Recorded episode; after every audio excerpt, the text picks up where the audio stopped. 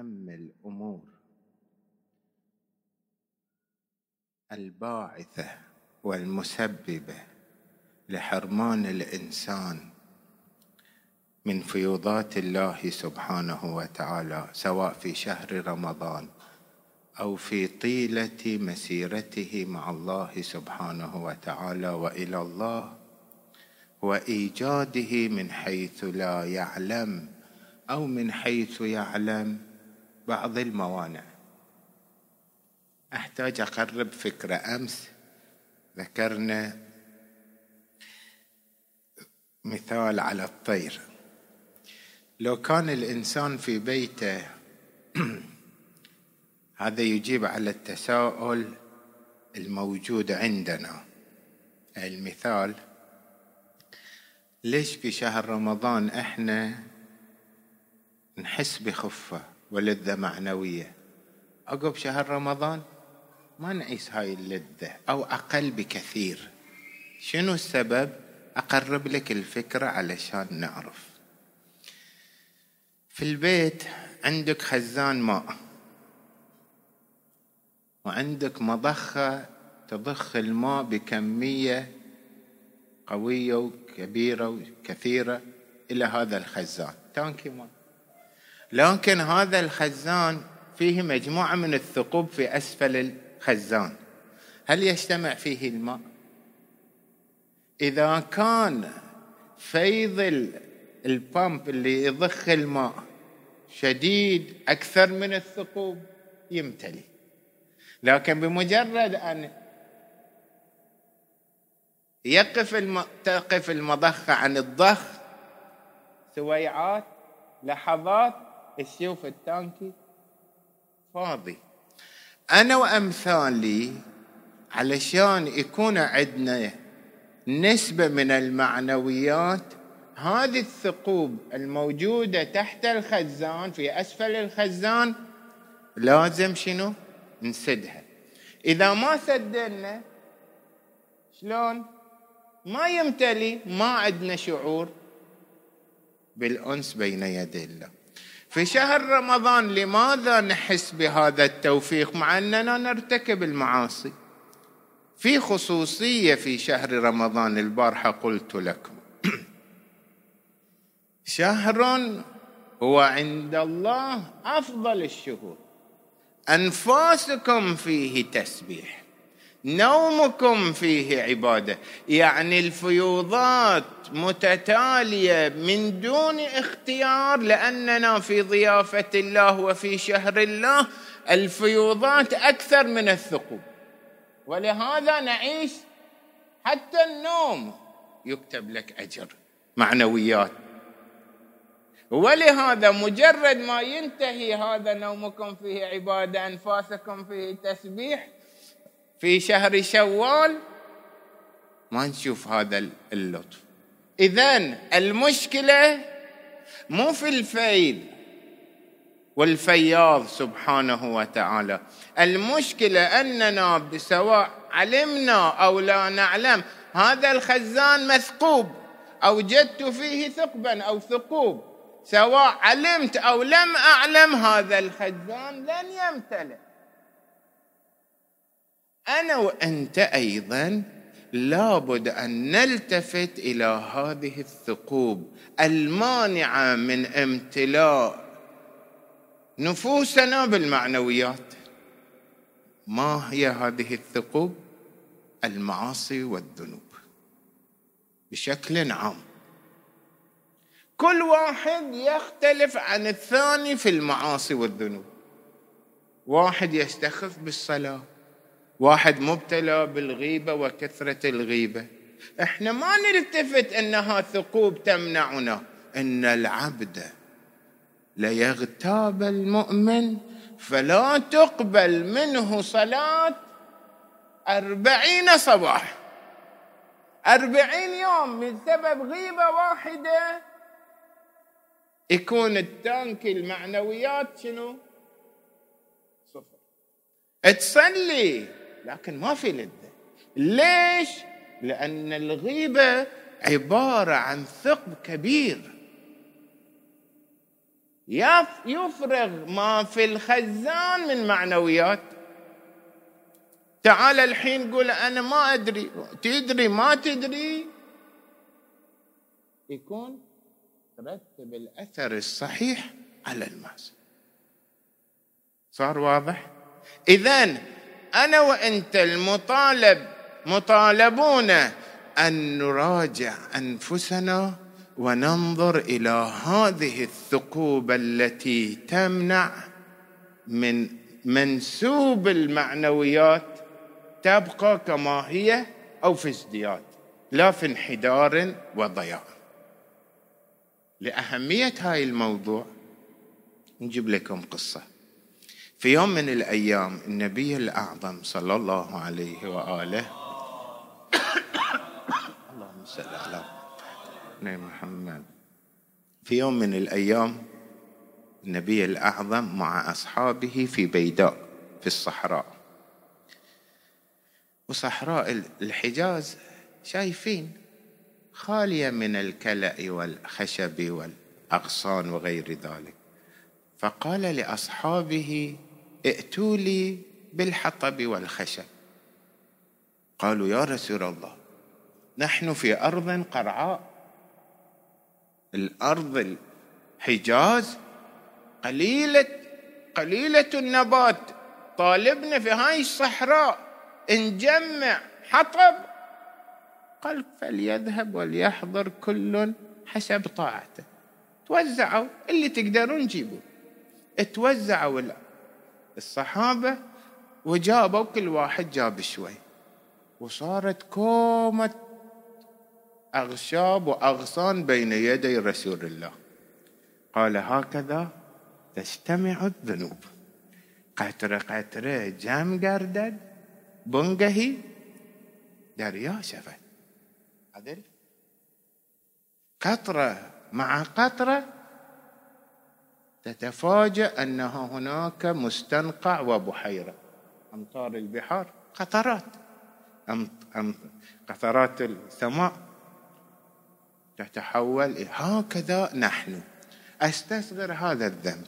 أستصغر هذا الذنب ولا أستغفر ولا أتوب وأستمر أزيد في ثقوب روحية التي لا تستفيد بالشكل المناسب من العبادة.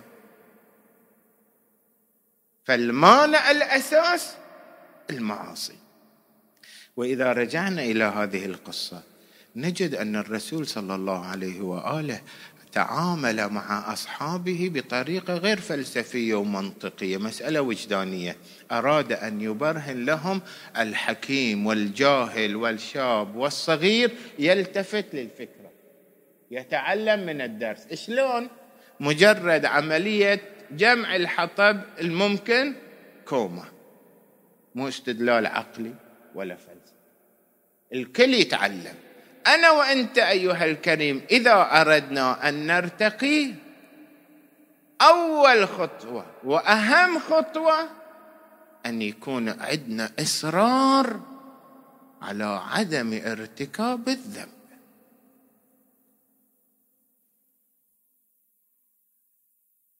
الحين أنت تدري أن الذنب سبب حرمان كثير من الأمور. ما تدري؟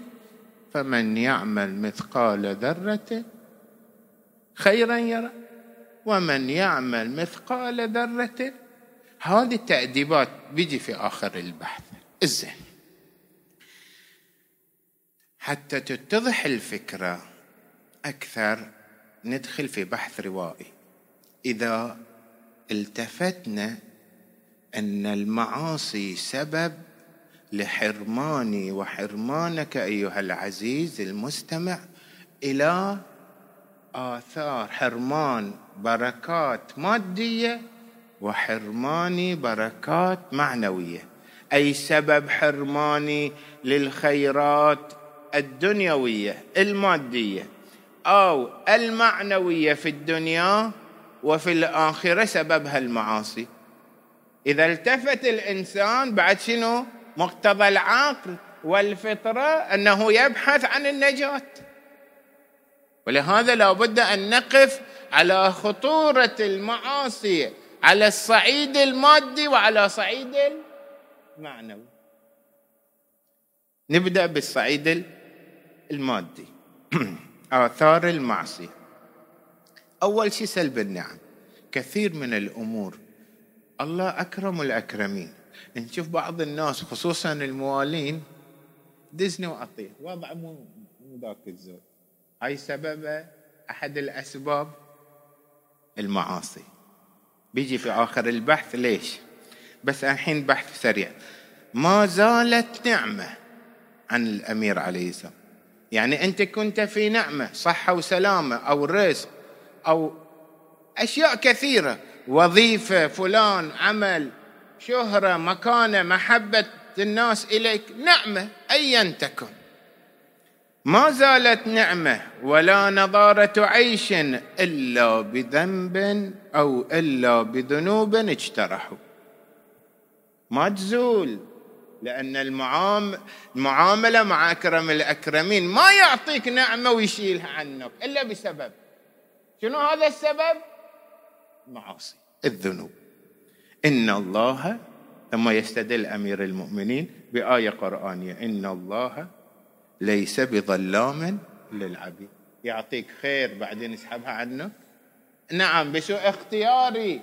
أزيل هذه النعمة بالذنوب والمعاصي؟ أي أمر ثاني؟ مو بيد الله. بيدي بسوء اختياري.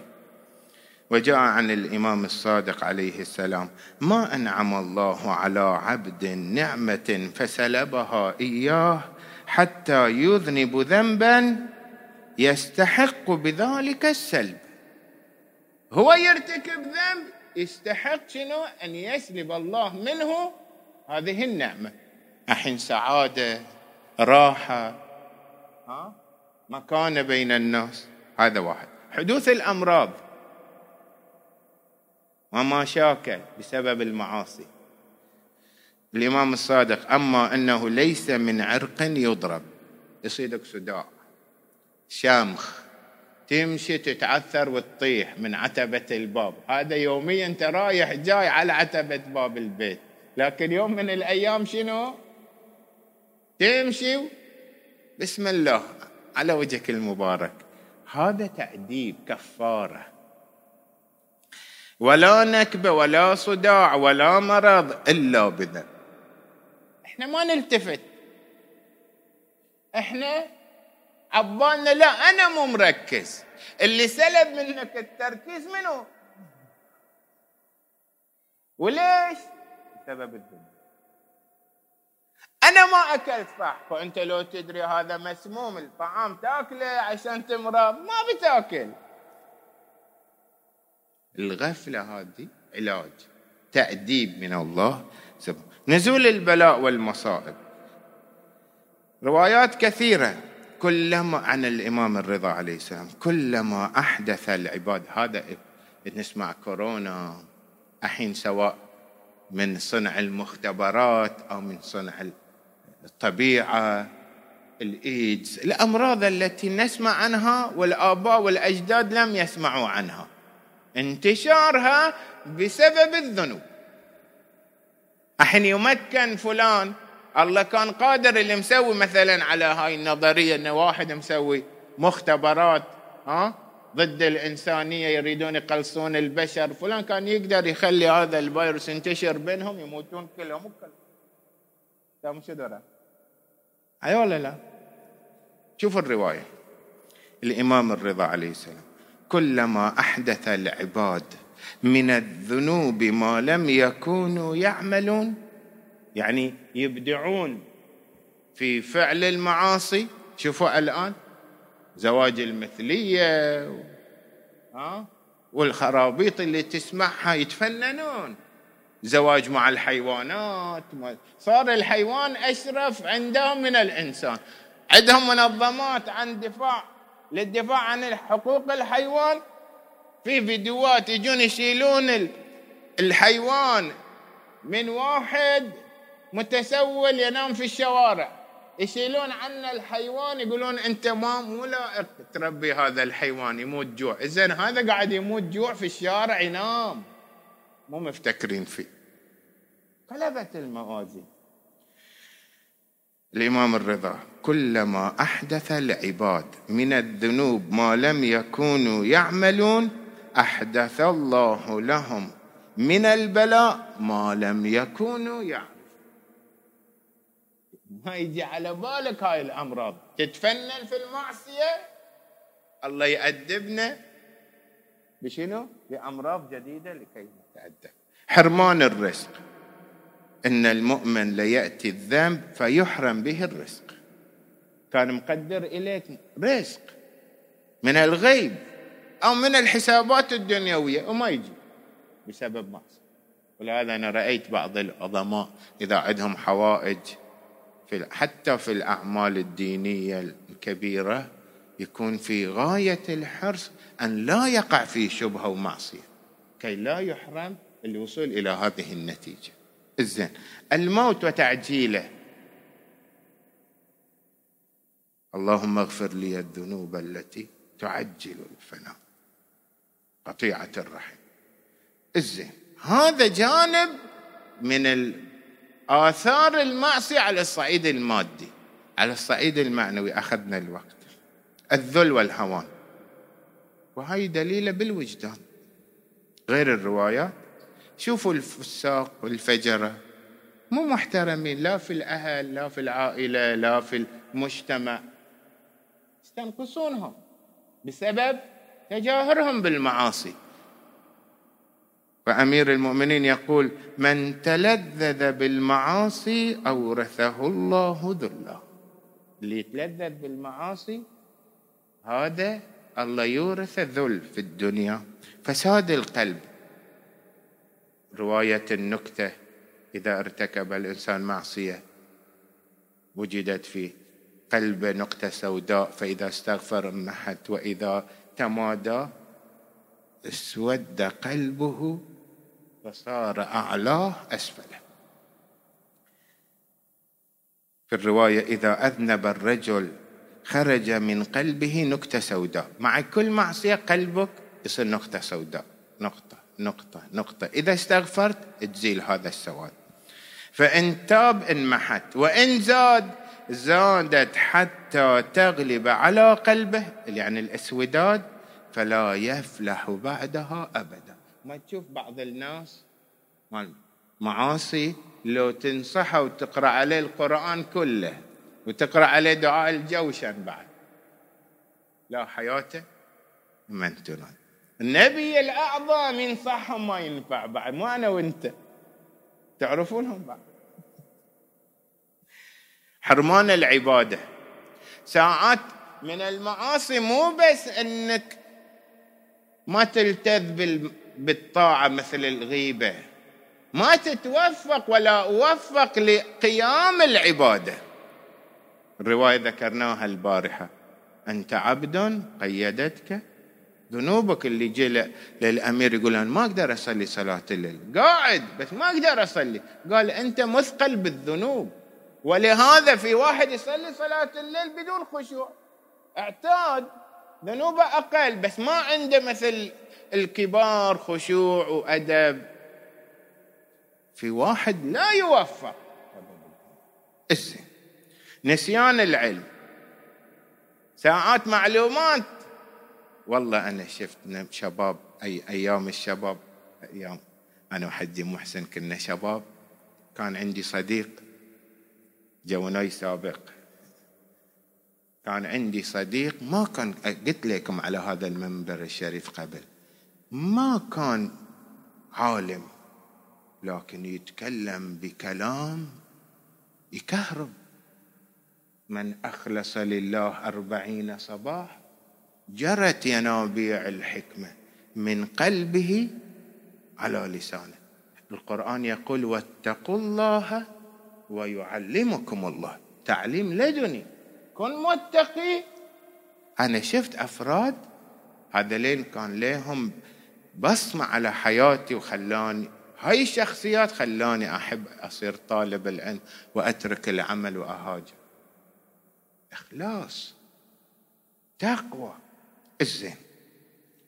الحين عرفنا أن المعاصي سبب لحرمان الإنسان الكثير من البركات المادية والكثير من البركات المعنوية.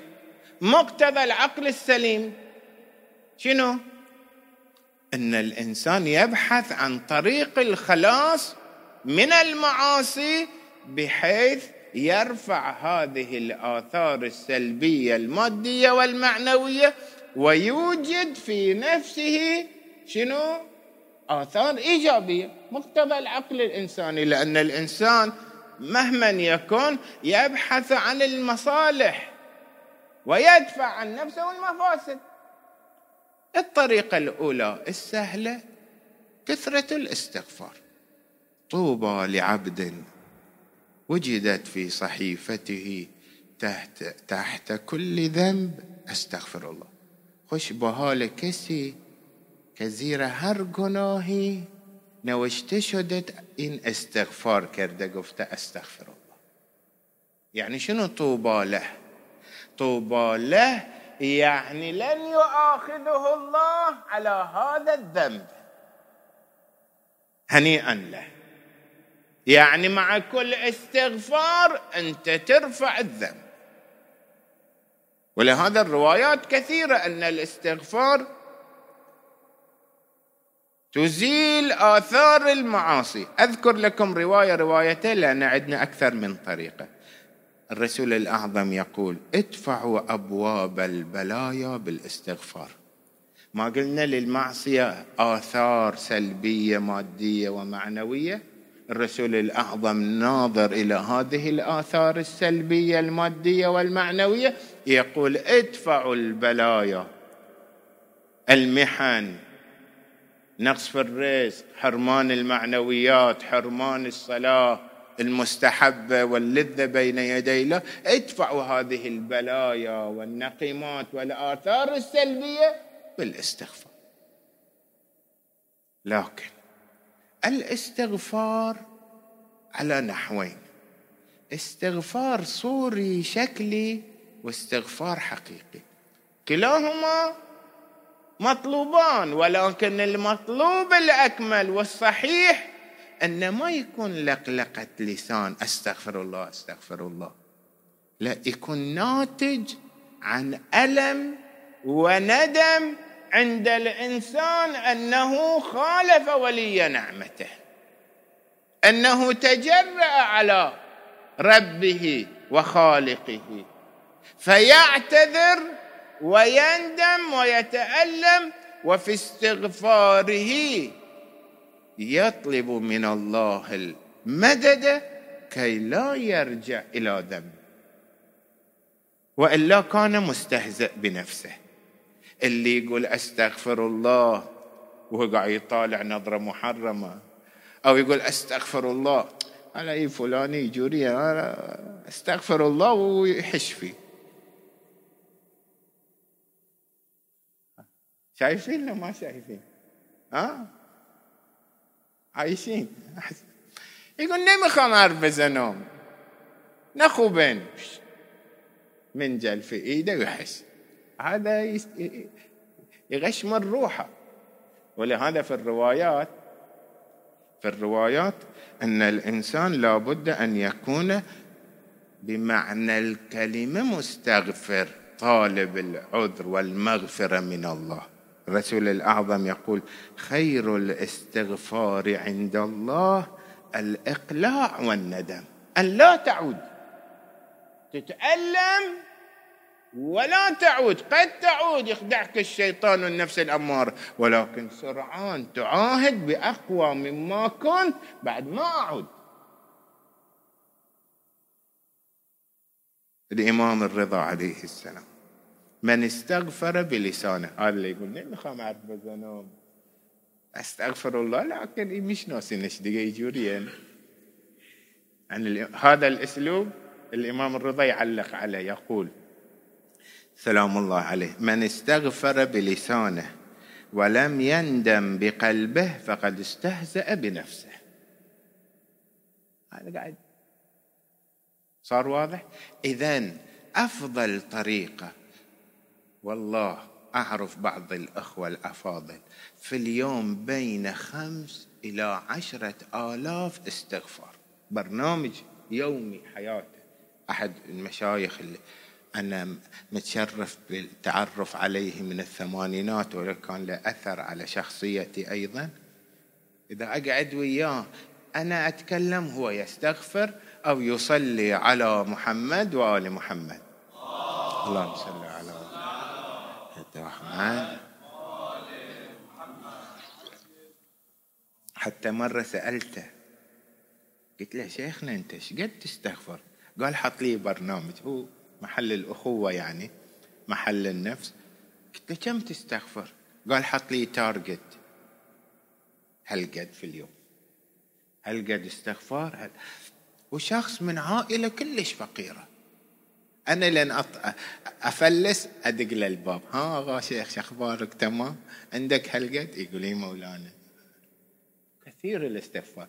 مو تستغفرون حق فلوس. وإن كان جيد ولكن الأكمل واحد يستغفر لعاقبته. الزين إذا الطريقة الأولى الاستغفار. الطريقة الثانية أن الإنسان يلتفت إلى قبح المعصية. الحين أنا مبتلى بهذه المعصية كل واحد بطريقة يعصي معاصي محددة. هاي المعصية بما هي مخالفة لله لأن المعصية عبارة عن شنو؟ مخالفة الله في أحكامه الإلزامية. واجب ما تسوي. محرم تسوي. هاي معصية الحين مستحبات ومكروهات؟ ماكو. صار واضح؟ انظر أنك حينما تخالف العقل يحكم بقبح المعصية. لأن المعصية ظلم. وكل عقلاء البشرية بأي دين كان يرى أن في المعصية أن الظلم قبيح. صح ولا لا؟ الحين حقوق البشر يبحثون عن شنو؟ دفاع عن الإنسان أي رفع الظلم عنه. صح ولا لا؟ كل البشر يرون أن في الظلم قبح. أنت أيها الكريم وأنا حينما ارتكب المعاصي ظالم لأعز شيء أملكه وأحبه. نفسي. ظلمت نفسي وتجرأت بجهلي. شلون تظلم نفسك؟ لأنك بالمعصية تفوت أو أفوت على نفسي كل تلك المصالح المودعة الي اللي بيناها الآثار المعصية. أوقعت نفسي في المهالك المادية والمعنوية. اللي ذكرنا شيء يسير. فلا فهو قبح ليس بعده قبح. فإذا كان الإنسان التفت إلى أنه ظالم لنفسه ويفعل القبيح عقلا عقله يأمره باجتنابه. بعد دليل ثاني من جهة العقل العقلاء كلهم يرون ويحكمون على قبح الإساءة لمن أحسن إليك. صح ولا لا؟ هاي الطرق اللي أجيبها كمختصر إن أنت تفكر تشوف أي طريقة من هذه الطرق مفيدة تفعلها في حياتك أيها الكريم كي لا ترتكب المعصية وتنجو بنفسك. هاي الثقوب اللي في الخزان اللي ذكرنا تسدها من خلال هذه الطرق أو غيرها. هاي الطريقة الثانية مو العقلاء يرون أن مقابلة المحسن بالإساءة في منتهى القبح. ها؟ طبيب عالج عالج إيدك. كانت لا سمح الله مشلولة. عقب ما رحت علاج طبيعي وفلان بدل ما تقول له شكرا تضربه راشدي تقول له شكرا دكتور. هذا كل ضحكتون. ليش ضحكتون؟ يقول هذا في منتهى قلة أدب. يعالجكم مجان مو في طب الخاص مطنقر ماخذ عليك واجد. لا في السلمانية. مو قبيح؟ قبيح لا مو قبيح. الزين. إحنا نتعامل مع الله بأشد من هذا القبح. الله عطاني كل هذه النعم. من عين من أذن من جوارح من جوانح من كل ما أرى وما لا أرى. وإن تعدوا نعمة الله لا تحصوها. حتى الهواء. في خدمتك وإليك. لو ما كان في هواء لما سمعت كلامي ولا كنت ميتا وأنا ميت في هذه اللحظة. كل الكون في خدمتك. بعدين مع هذه النعم التي أعطانا من دون سؤال نواجهه بالمعاصي والذنوب. خيره إلينا نازل. وشرنا إليه صاعد. ألم يأن للوقت ألم يأن للذين آمنوا أن تخشع قلوبهم لذكر الله؟ ما جاء الوقت إن أنا أستحي من هذا القبح الذي يصدر مني في قبال نعمه جل وعلا وأقول كفى بنعمه اخالفه اذا من الأمور التي تؤثر فينا لقلع الذنوب أن نلتفت إلى قبح هذه المسألة عقلا وعقلائيا. وسيلة ثالثة. هناك مسلمات عندك وعندي. استغلها. للأسف أيها الكريم إحنا شغلتنا الدنيا. بيجي من الموانع حب الدنيا إن شاء الله بكرة. ما نعطي روحنا مجال نفكر ونرتب الأثر على الأصول المسلمة عندي وعندك. بسبب الانشغال ترى من أهداف انخداعنا بالدنيا ومكائد إبليس علينا أن ننشغل بالأمور المباحة وغير ذلك. ما أعطي نفسي مجال أفكر تفكير إيجابي. هناك مسلمات عندي وعندك. مسلمات المسلمين أن المطيع له الجنة. مسلمات المسلمين بأي دين كان أنهم أصحاب اليمين في في السعادة والنعيم أصحاب الشمال في التعاسة والجحيم. المعاصي من أي صنف؟ من أهل اليمين لو من أهل الشمال؟ هذا ما يحتاج برهنة مسلمات بديهيات. تعالوا إلى القرآن في سورة الواقعة. يصور لنا هذه السورة. يبين مآل أهل الطاعة ومآل أهل المعصية. يقول الباري جل وعلا في سورة الواقعة يحتاج إلى وقفات بس بقراها سريع. تعالوا إلى أهل اليمين اللي تأدبوا مع الله فلم يرتكبوا المعاصي. فيقول الباري عنهم في سورة الحاقة فأما من أوتي كتابه بيمينه فيقول هاؤم اقرأوا كتابيه يا أيها. يعطونا صحيفة أعمال بيمينه في يوم القيامة. يصرخ بتعبيرنا من قمة راسه.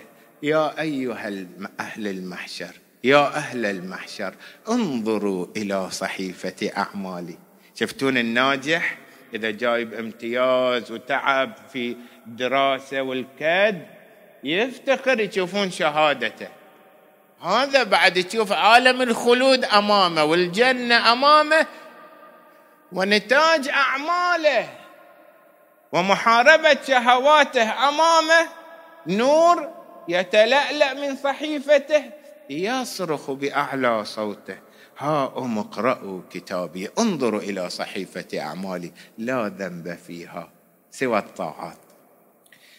إني ظننت أني ملاق حسابي. إني ظننت أي كنت على يقين أن في يوم من الأيام سوف أحشر وأحاسب على كل صغيرة وكبيرة. فكنت على خشية وحذر أن تكون في صحيفتي معصية واحدة. أندم عليها هذه اللحظة. فانظروا في صحيفتي. لا ذنب فيها سوى الطاعات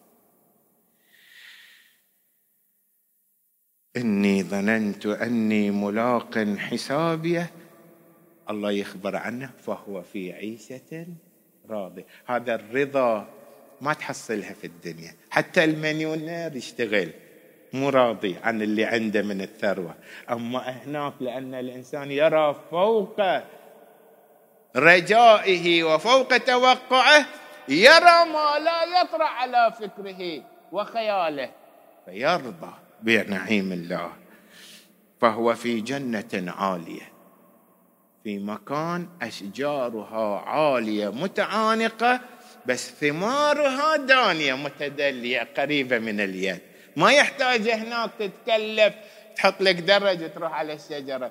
الشجرة تنزل إليك وتخدم قطوفها دانية.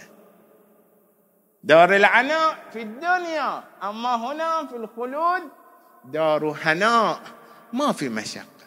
يكرمه حتى الثمار تكون متدلية قطوفها دانية. أما وأما من أوتي كتابه بشماله صاحب المعاصي فيقول يا ليتني لم أوت كتابي يا ريت ما أعطوني كتابي. ليش؟ يتحسر لأنه ما كان من أهل الورع من أهل التقوى. كل يوم أي معصية كان يرتكبها ما يبالي.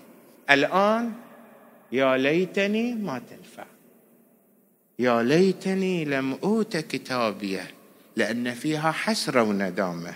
ولم أدري ما حسابي. يا ريت حتى أنا ما أتصفح صحيفة أعمالي وأشوف هالمعاصي التي ارتكبتها. يا ليتها كانت القاضية. يعني يا ليت تلك الموتة التي متها في دار الدنيا كانت هي القاضية والفانية بحيث لا أحشر يوم القيامة. هو في دار الدنيا ما كان يتمنى الموت. الآن حينما يرى العقاب والحساب يتمنى الموت ولا يحشر يوم القيامة لما ينتظره من عذاب. يا ليتها كانت القاضية وما أغنى عني مالي. الآن يرجع إلى دار الدنيا يشوف كان بخيل على أمواله سرق خدع. في ناس يتصورون روحهم الشطارة في معاملة يخدع واحد. يشوف الحين ما نفعته هاي الأموال تركها للورثة والعيال وهو عليه الحساب. ما أغنى عني مالية. ما نفعتني هذه الأموال التي كنت حريصا وبخيلا وشحيحا عليها. هلك عني سلطانية. الوجاهة التي كنت أبحث عنها بين قلوب الناس والناس ها غجون جقرم فلان إنا شيخنا مولانا وفلان.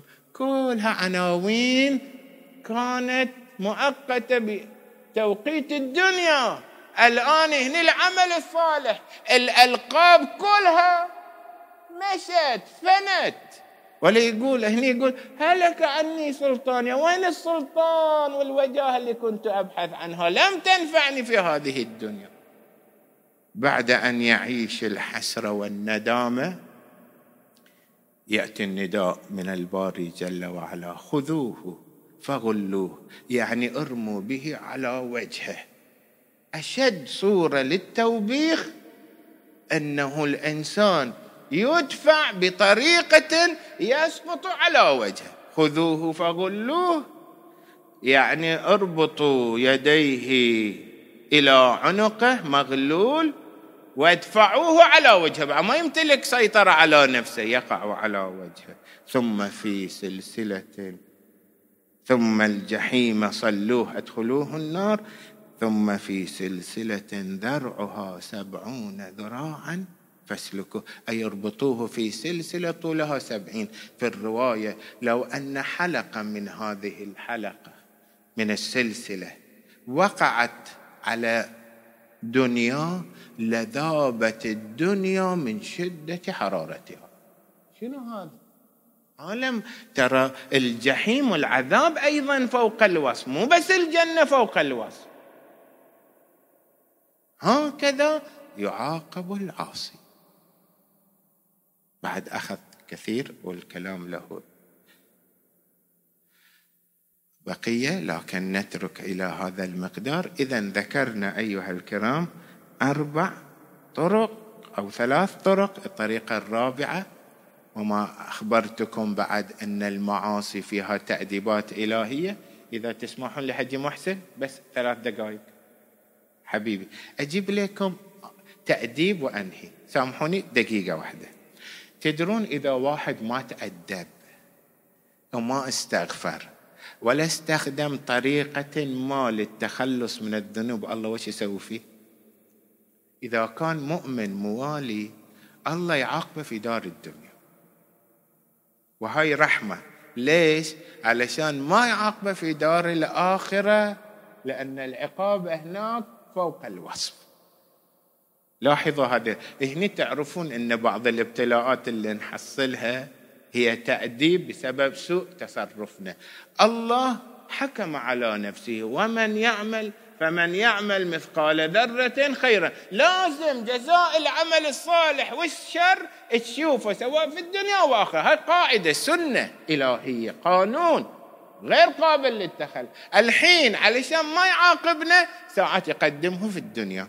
أقرأ لكم الرسول الأكرم صلى الله عليه وآله يقول إن المؤمن إذا قارف الذنوب مرة بعد مرة ابتلي بها بالفقر.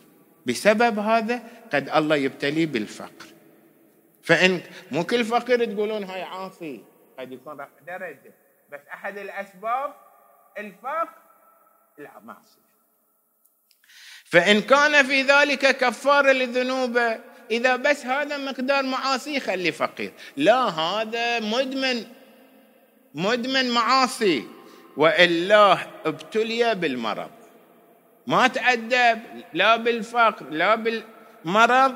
فإن كان ذلك كفارة لذنوبه وإلا ابتلي بالخوف من السلطان يطلبه. شوفوا تأديبات. فإن كان ذلك كفارة لذنوبه وإلا يضيق عليه عند خروج نفسه في عالم الاحتضار. ليش؟ حتى يلقى الله حين يلقاه وما له من ذنب يدعيه عليه أي يطالبه به فيؤمر به إلى الجنة. فلنحذر من هذه العقوبات من خلال ما قلناه من كثرة الاستغفار والإنابة وتصحيح المسار مع الله ومناشئ المعاصي من يوم غد إن شاء الله سوف نفصل الحديث والحمد لله رب العالمين وصلى الله على محمد وآل محمد.